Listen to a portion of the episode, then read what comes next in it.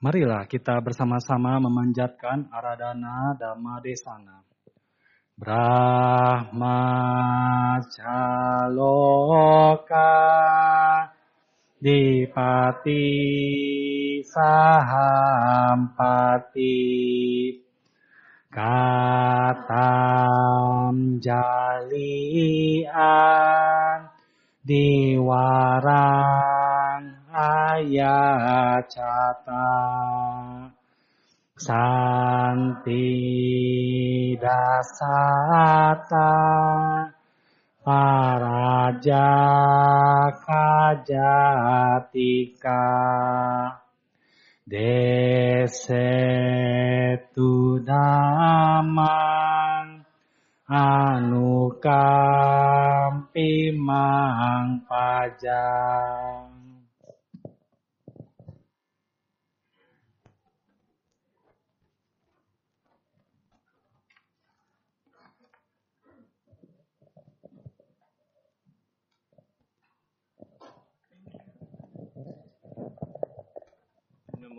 Namo bhagavato arahato samma sambuddhassa.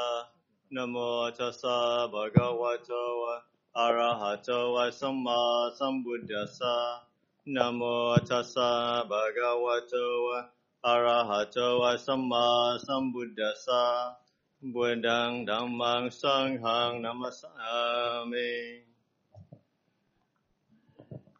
So, um, special greetings to all my fellow monastics, all the monks who come over here.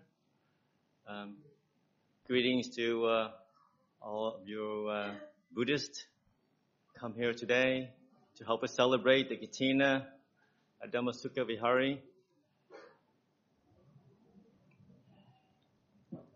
Selamat malam, Ajan ucapkan. Uh, selamat uh, datang di Wihara Buddha Masuka bagi Anda para umat Buddha yang telah hadir pada hari ini untuk merayakan Hari Katina. I just want to express my uh, appreciation, my uh, um, anumodana to seeing so many people coming, making a special effort to come here today to uh, practice with the Sangha, to offer support. I know it's not easy to get into um, you know, the city, and it's great to see so many people all together in one place, coming together to do something that's wholesome, that's good, and that's something that is rare that we shouldn't take for granted. Jadi Bante, Bante Acan sangat menghargai dan juga anumodana kepada Anda semua umat yang telah hadir pada hari ini. Begitu banyak umat yang Acan lihat hadir pada hari ini dan bersama-sama untuk mempraktekkan uh, dhamma. Jadi untuk mensupport atau juga mendukung komunitas sangga. Jadi uh, Acan senang sekali melihat begitu banyak orang yang berkumpul hari ini bersama-sama untuk melakukan perbuatan bajik. Hal ini merupakan hal yang cukup langka dan harusnya tidak disia-siakan. Katina, as some of you might know, is a special time. A time where the community of lay people coming together, um, making the robes and offering the robes to the monks. And also it's a celebration of the monastic sangha living together for three months in peace and harmony, practicing together. So it's a great uh, symbol of what Buddhism is about. It's about working together, about living together in peace and harmony. Jadi hari raya Katina itu adalah hari yang sangat khusus, hari yang sangat spesial karena pada hari Katina itu uh, umat Buddha, uh, umat Buddha dan juga umat awam itu berkumpul bersama-sama untuk uh, misalnya menjahit jubah dan juga menyerahkan atau juga mendanakan jubah tersebut kepada anggota sangga. Jadi juga suatu uh, selebrasi atau juga suatu perayaan bagi komunitas anggota sangga karena selama tiga bulan mereka bersama-sama tinggal menetap untuk berlatih bersama dan ini merupakan simbol dari ajaran Buddha yaitu uh, dengan bekerja sama dan hidup dalam kedamaian dan dalam harmoni. Um, some of you may or may not know um, my background. I was obviously born in Vietnam and grew up in the U.S. And um, growing up, we're mostly Catholic, my Catholic family. But I came to Buddhism when I was in my 30 in Thailand, working in Thailand. And then I ordained in Thailand, stayed there for a few years, and then moved to Australia to practice, to practice Buddhism. Well, I've been there for the last 20 years. Mungkin dari umat di sini ada yang sudah mengetahui atau juga ada yang mungkin belum mengetahui background dari Ajan atau juga latar belakang dari Ajan. Jadi sebenarnya Ajan itu lahir di Vietnam, lalu kemudian pindah ke Amerika, ke US. Jadi sebagian besar kehidupan Ajan itu ketika masih muda itu sebenarnya berasal dari keluarga non-Buddhis, dari keluarga Katolik gitu ya. Jadi beliau ini baru uh, mulai mengenal Buddhism itu ketika di usia 30 tahunan itu dan beliau lalu waktu itu uh, sedang di Thailand Lalu juga beliau ditabiskan juga di Thailand. Jadi selama 20 tahun terakhir ini beliau sudah uh, menetap di Australia. I mentioned that because it ties in today's and today's uh, topic of the Dhamma discussion of the blessings of the triple gem, the blessings of the Buddha, the blessing of the Dhamma, and the blessings of the Sangha. Bante menjelaskan hal ini uh, latar belakang tadi karena uh, ini berkaitan dengan tradisi dari uh, uh, tradisi dari agama Buddha dan juga tentang damai akan atau ceramah yang akan ajan berikan pada hari ini itu tentang uh, blessing atau juga keberkahan dari tiga tiga permata atau triratna. Jadi keberkahan dari Buddha, Dhamma dan juga Sangha. You know, the, the blessings of the Buddha. I mean, sometimes you know we take it for granted because we're Buddhists. but it's an amazing blessing, something precious to have a Buddha rise in the world and then to have him attain enlightenment and then teach that. So the teachings of the Buddha is something that is well tried, something that's been done and practiced and as results of the last 2,600 years ago. It works then. It's been working to the last 2,600 years. So it should give you a lot of faith and confidence that the Buddha knew what he was talking about and he laid down a path that we all can practice and follow. Jadi yang pertama adalah eh, berkah dari Sang Buddha. Jadi uh, Buddha itu uh, suatu berkah dari Buddha itu hendaknya tidak kita sia-siakan. Jadi ini adalah merupakan suatu keberkahan yang sangat luar biasa kita bisa hidup di zaman ketika Buddha itu hadir, ketika Buddha itu um, muncul dan juga ini sangat hal yang sangat berharga. Jadi Buddha lahir, Buddha mencapai penerangan sempurna, kemudian Buddha mengajarkan dhamma tersebut. Jadi uh, tradisi ini atau ajaran yang telah diberikan oleh Buddha itu sudah berasal dari lebih dari uh, kurang lebih 2600 tahun yang lalu. Jadi uh, ajaran yang diberikan Buddha itu yang sudah diberikan atau juga kita jalankan selama 2600 tahun yang lalu itu hendaknya memberikan kita keyakinan yang mendalam jadi uh, Buddha itu artinya tahu apa yang beliau ajarkan itu. Beliau sudah tahu dan beliau telah menunjukkan jalannya dan hendaknya kita uh, bisa mempraktekkan dhamma yang beliau ajarkan. So we live in a world that is modernizing very quickly. Obviously, I was walking around and uh, now you can hardly find anybody here without an iPhone, without a mobile phone, without some kind of digital gadgets. And it's uh, you know, we're all very globalized these days. We get the news and we can see things all over the world. And it seems like everything that is modern must be good and great. And in a rush to modernize society, sometimes we leave what we think is old and not so new, something that is old and not, and we think is useless. But uh, um, let's not take it for granted. Um, you know, new things are mostly in the worldly way. You know, people are very smart these days. They can think things, they can invent, they can invent many interesting things that we can uh, use in a modern life. But the mental health, the happiness of the mind, human beings have not changed the last 2,600 years ago. We still suffer then we are continuing to suffer in this day and age unless we can focus and train the mind. So mental health is very important. Even though with all these gadgets, you'll see there's more and more instances of mental disease in the modern world. So these gadgets do not solve everything. Jadi di dunia sekarang ini yang terlihat begitu canggih, begitu modern ketika Bante sedang misalnya atau Ajan sedang melihat ke sekeliling itu begitu sekarang hampir tidak ada rasanya orang-orang yang tidak punya handphone gitu ya atau punya gadget atau gawai lainnya gitu. Jadi di era yang modernisasi ini segala sesuatu itu sudah sangat baru, begitu banyak hal-hal yang uh, canggih di dunia ini. Jadi terkadang kita menganggap bahwa hal-hal yang baru atau yang canggih tersebut itu adalah hal-hal yang baik. Atau uh, sementara uh, kita senantiasa bergegas gitu ya, uh, rushing dari untuk memodernisasi sementara kita juga meninggalkan tradisi-tradisi yang kuno karena dianggapnya sudah tidak berguna. Namun hendaknya tidak diabaikan atau juga tidak disia-siakan bahwa uh, misalnya di dunia sekarang ini yang begitu baru itu dilihat dari sudut pandang duniawi memang begitu banyak orang yang pintar, dia bisa menciptakan segala sesuatu. Namun yang harus diingat adalah bahwa e, di masa sekarang ini malah yang muncul masih sama, masih ada penyakit e, batin juga. Jadi masih ada rasa tidak bahagia. Hal ini tidak berubah semenjak uh, zamannya dulu yaitu 2600 tahun yang lalu masih sama kurang lebih seperti itu, masih banyak penderitaan. Jadi uh, saat ini juga uh, begitu banyak orang mengalami penderitaan batin atau juga sakit mental gitu ya. Sehingga ini penyakit yang uh, sering muncul dan ini yang harus kita uh, kita lihat bersama-sama, kita atasi bersama-sama. So we live in this modern world that moves very quickly, but there is also a cost that sometimes the mind gets tired, it's overworked, and we don't find ways to slow down and rest the mind. And as a result, we get more and more cases of stress and worries and mental issues that come up. You know, in Australia, we have the highest rate of suicide for young people because while they're very, very smart, they still suffer a lot because they don't understand how to use the mind. They don't understand how to train the mind to become more stronger, happier, and increase the sense of well-being.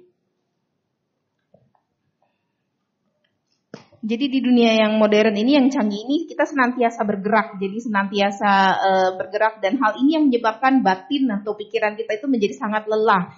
Jadi juga terlalu banyak yang harus kita lakukan dan kita tidak mampu untuk uh, mengeremnya, untuk memperlambat. Sebagai hasil yaitu banyak sekali orang-orang itu yang stres, punya juga banyak kekhawatiran, lalu juga muncul uh, isu-isu uh, atau juga penyakit-penyakit batin gitu ya. Di Australia sekarang ini ada uh, tingkat bunuh diri di kalangan muda itu adalah salah satu yang tertinggi. Jadi begitu banyak orang muda yang begitu pintar, namun mereka tak mampu untuk mengatasi penderitaan mereka itu karena mereka tidak mengerti bagaimana cara untuk melatih batin mereka akan menjadi lebih kuat untuk bisa lebih bahagia. So as we go about our daily life, it's good to bring the Buddha, bring the Dhamma. The Dhamma is the truth, and truth does not change over time. Something that transcends culture, transcends time. Like I was saying before, the fact that I'm in Australia practicing Buddhism is an amazing thing for me to contemplate. You know, Australia is not a Buddhist country, but yet, you know, we have a forest monk, we get support, we get fed every single day. So it's an amazing thing. That's the power of the Buddha. That's the power of the Dhamma that transcends time and place. And the fact that Buddhism has spread all over the world points to the power of truth the power of wisdom. Jadi dalam kehidupan sehari-hari ini hendaklah kita uh, me merenungi dari ajaran Buddha itu yaitu dhamma. Dhamma itu adalah kebenaran. Kebenaran itu tidak berubah. Jadi kebenaran itu melampaui berbagai macam uh, culture, berbagai macam tradisi dan juga melampaui waktu. Jadi contohnya sekarang Acan ada di Australia. Ini sangat uh, menakjubkan untuk direnungkan ya. Jadi Australia itu kan bukan negara Buddhis, namun di Australia itu beliau ada di uh, ada ada kumpulan biku hutan di sana. Jadi biku hutan itu uh, tiap hari itu bisa makan dengan baik gitu ya. Jadi uh, bisa makan dengan baik. Ini adalah berkat dari kekuatan dari Buddha dan Dhamma. Jadi kita bisa lihat juga bagaimana ajaran Buddha itu sekarang uh, tersebar di seluruh dunia. Jadi inilah yang uh, disebut dengan kekuatan dari Buddha dan Dhamma. Yeah, so sometimes I hear my friends who move to the U.S. you know, think if they all become uh, Christian because they say, well, Buddhism is a bit old fashioned, you know. We move to this new country, they have modern stuff, we should move along and change and become uh, Christians. And, uh, and, you know, it's fine. But I think we shouldn't abandon uh, anything that's of uh, old culture because it's old. But we should understand more what the Buddha taught. Because sometimes you get traditional Buddhists, and Buddhism is just, they call it, what do you call it, chopsticks waving Buddhists. You go to the temple, you wave your chopsticks, you make a prayer, you, you make a wish, get a job, get a, get a good wife, get a good husband, and you go home. That's not Buddhism, right? Jadi ada salah satu teman dari Achan itu dia pindah ke Amerika. Jadi pindah ke Amerika jadi dia juga berubah keyakinan gitu ya karena dianggap agama Buddha itu adalah agama yang atau ajaran yang sudah kuno gitu ya. Jadi dia pindah ke salah satu ajaran Kristen gitu yang dianggap lebih modern. Jadi eh, namun harus diingat bahwa kita tidak hendaknya untuk mengabaikan eh, tradisi atau juga ajaran-ajaran Buddha ini. Jadi uh, harap dimengerti juga apa sih yang sebenarnya Buddha ajarkan. Jadi ajaran Buddha itu bukan sekedar misalnya kita uh, ke ke kelenteng gitu ya ada yang ada stick-stick yang chamsi gitu ya. Jadi stick-stick chamsi itu misalnya kita kocok-kocok dan keluar dan kita mengharapkan misalnya mendoakan oh dapat pekerjaan lalu juga dapat hal-hal yang baik. Jadi ini bukanlah ajaran Buddha. Right. The blessings of the Dhamma is that is the truth. The Dhamma is really in your heart.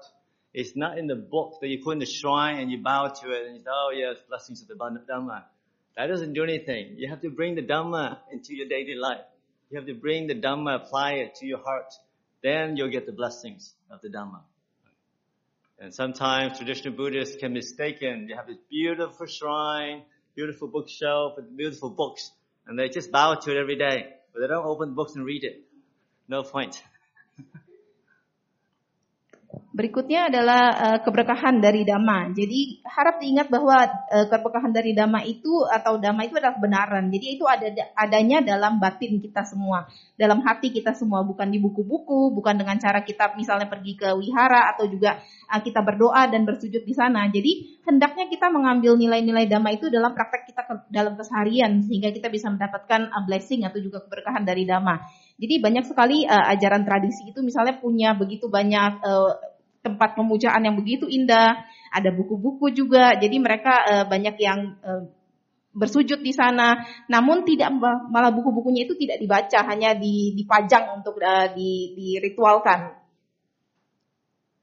So like I said, the Buddha taught, you know, suffering and the end of suffering. And he gave us really powerful truths and teachings that we can apply into our daily life and lessen the suffering of ourselves and others. So it's a powerful tool, but we do have to apply it each and every day to gain the benefit. Buddha telah mengajarkan adanya penderitaan dan juga ada akhir dari penderitaan. Jadi ajaran Buddha ini hendaknya kita aplikasikan atau kita juga realis eh, kita ambil dalam kehidupan sehari-hari agar kita bisa mengurangi penderitaan dari kita sendiri dan juga penderitaan dari orang lain. Hendaknya hal ini kita lakukan dalam kehidupan kita sehari-hari. And it, the benefit brings you so much happiness that you can't even imagine is possible. Um, you know, obviously, um, before I was a Buddhist, I thought I was doing well. You know, work as a job as a stockbroker, earn you know um, a certain amount of money, enjoying the good uh, life, traveling around, having things. I thought that was happiness, but uh, and it brought a certain amount of happiness. But the happiness of generosity, the happiness of peace and meditation, and the happiness of wisdom surpasses that by many, many folds. And we, each and every one of us have that potential. We have the teaching in front of us. All we need to do is apply it each and every day and realize for ourselves the beauty, the happiness of the Dhamma.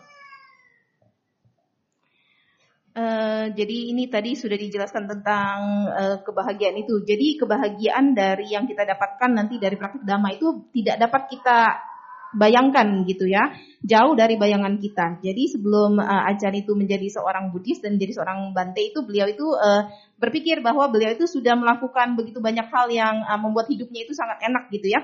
Jadi beliau itu sebelumnya adalah pialang saham. Jadi mereka uh, beliau punya banyak uang, beliau juga menikmati uh, uang itu dengan belanja gitu ya dan juga uh, traveling dan mempunyai banyak-banyak uh, hal itu. Nah, bukan berarti bahwa itu tidak memberikan kebahagiaan, itu juga bahagia. Namun hanya kebahagiaan yang tidak bisa melampaui kebahagiaan yang didapatkan dari misalnya kita mempunyai kemurahan hati, dari praktek meditasi, dari kebijaksanaan. Kebahagiaan yang didapatkan dari praktek-praktek ini berlipat-lipat ganda. Jadi hendaknya kita lakukan atau kita lakukan dalam kehidupan sehari-hari ini agar kita bisa mendapat e, manfaat dari dhamma tersebut.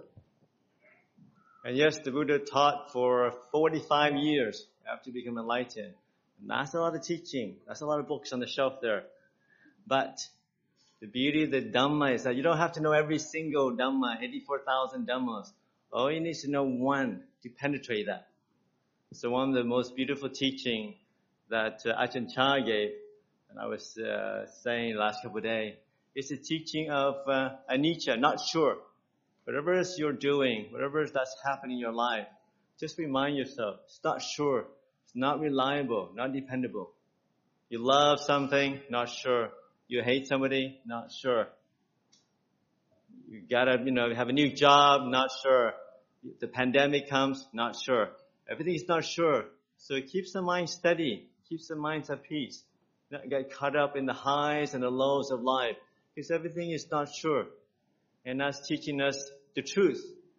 Remember before the pandemic, we think, oh yeah, traveling is great, this, and then a little bug comes in, stops the whole world.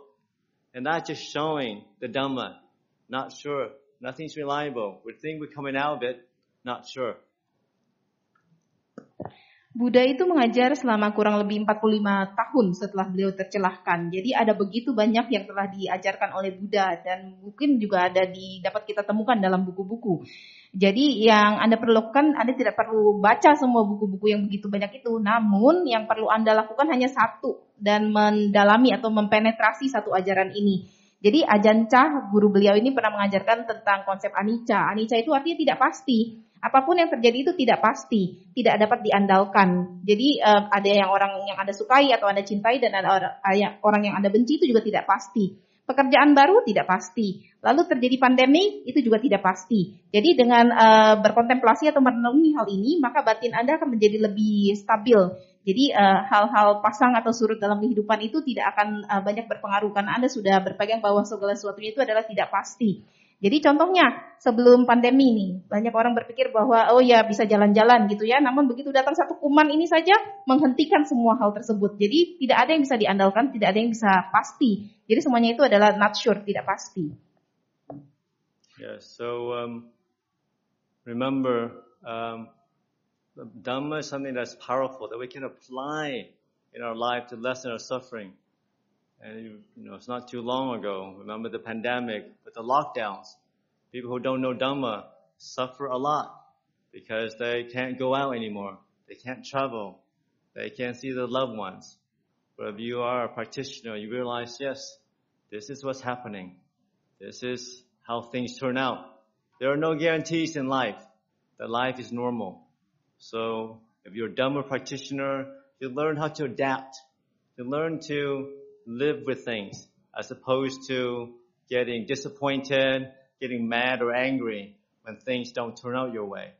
You realize, yeah, this is the way it is. How do I make it work? How do I adapt? How do I change? How do I lessen my suffering? How do I help each other through this pandemic? And that is the teaching of the Buddha. That's the blessings of being a practitioner. Dhamma yang diajarkan oleh Buddha itu begitu sangat uh, mempunyai daya yang sangat kuat. Jadi kita ketika kita praktekkan dalam kehidupan sehari-hari, maka dhamma ini dapat mengurangi uh, penderitaan kita. Ketika terjadi pandemi kemarin uh, sebelumnya ini uh, begitu banyak yang terjadi adalah begitu banyak yang ditutup ya, di lockdown. Jadi tidak bisa orang-orang tidak bisa berpergian, tidak bisa bertemu dengan orang-orang yang dicintai. Maka kita bisa lihat di sini tidak ada garansi. Jadi dhamma itu mengajarkan kita untuk beradaptasi jadi beradaptasi dengan hal-hal yang terjadi dalam kehidupan kita. Jadi kita tidak menjadi kecewa. Lalu kita juga melihat bagaimana hal-hal yang terjadi di dunia ini adalah yang bisa kita lakukan adalah beradaptasi. Karena kita tidak bisa mengharapkan segala sesuatu itu pasti berjalan sesuai dengan keinginan kita. Jadi dengan ajaran Buddha uh, atau Dhamma itu ini akan membawa keberkahan bagi orang-orang yang mempraktekannya. And the next is obviously the blessings of the Sangha. The Sangha is broadly defined as a community of monks or nuns, but also community of practitioners, community of Buddhists, coming together, practicing together, supporting each other in our own path to, towards enlightenment.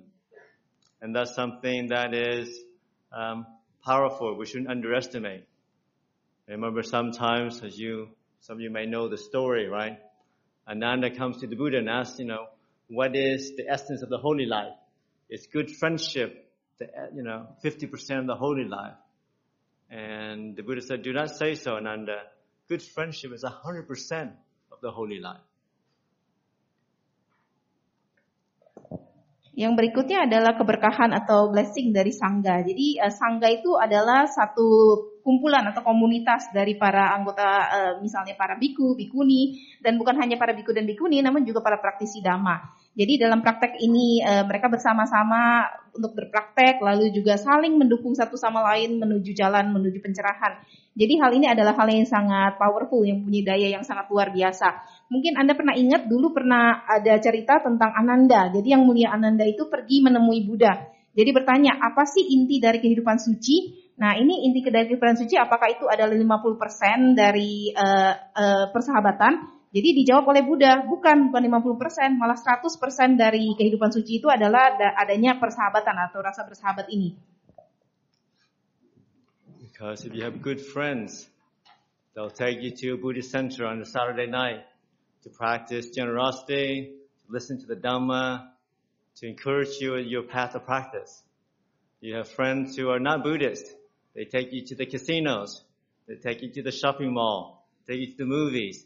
Take you to the pub. Away from the Dhamma. Away from what is good and wholesome.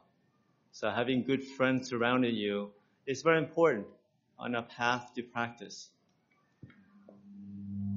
Jadi uh, tadi tentang sahabat yang baik ya, persahabatan yang baik itu contohnya hari ini misalnya di hari Sabtu Anda punya teman-teman dalam dhamma gitu ya. Jadi bersama-sama teman-teman dalam dhamma itu mengajak Anda ke wihara untuk praktek, praktek tentang uh, kemurahan hati,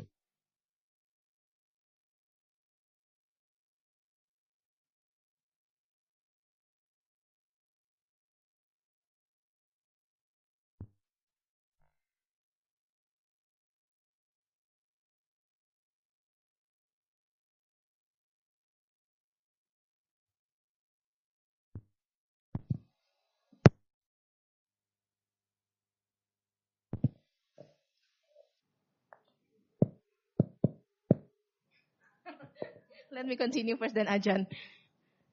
Uh, jadi tadi sampai itu ya teman yang baik gitu ya, sahabat yang baik itu mengajak Anda menuju jalan yang bajik gitu ya.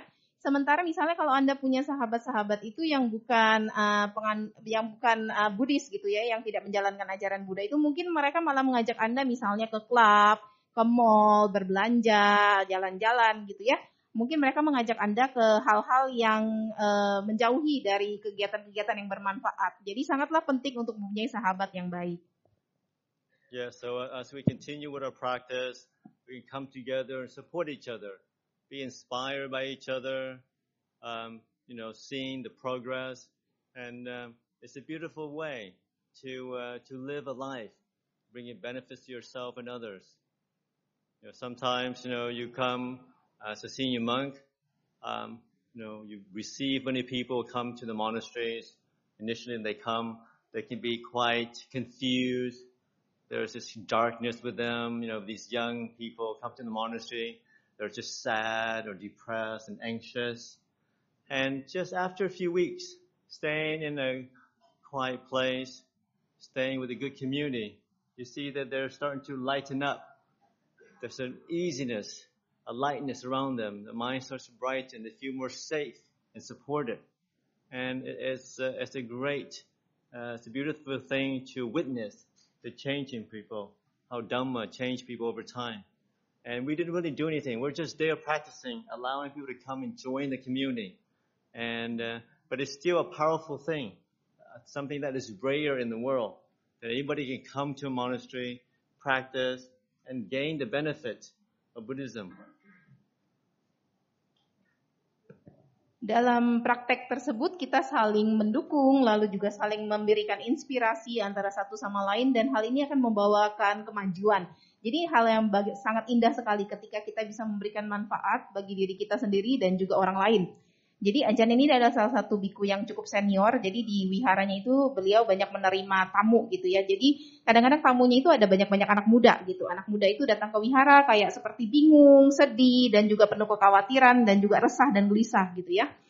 Setelah uh, anak-anak muda ini uh, tinggal di wihara selama beberapa minggu dan tinggal bersama komunitas uh, di sana di wihara itu uh, dapat terlihat bahwa anak-anak muda itu mulai menjadi lebih uh, cerah gitu ya lebih lebih lebih bahagia, lebih mereka merasa lebih aman karena mereka berada di satu komunitas yang saling mendukung. Jadi sangat membahagiakan untuk bisa menyaksikan perubahan pada orang-orang. Jadi ketika eh, padahal eh, di sana padahal mereka tidak banyak ngapa-ngapain, hanya tinggal saja bersama-sama lalu juga mempraktekkan, berpraktek bersama-sama. Jadi hal ini adalah yang sangat uh, baik sekali untuk dilakukan untuk mendapatkan manfaat dari komunitas tersebut. Okay, so those um, a few words that I can offer your reflection today regarding the blessings of the Triple Gem, blessings of the Buddha, the Dhamma, and the Sangha. And may the Triple Gem always guide and protect you in your journey to finally ultimate liberation and freedom. I offer you that for your reflection.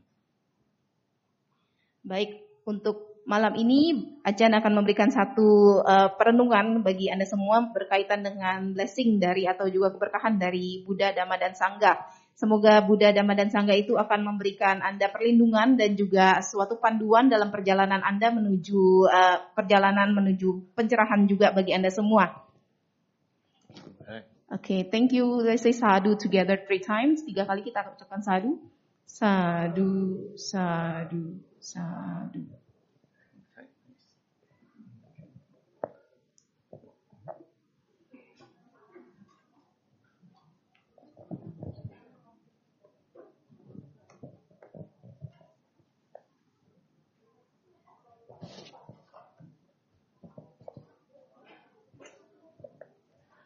Kami atas nama umat dan panitia perayaan Katina Wihara Dhamma Suka mengucapkan terima kasih kepada Venerable Ajan Kemawaro atas Dhamma Desana yang telah disampaikan.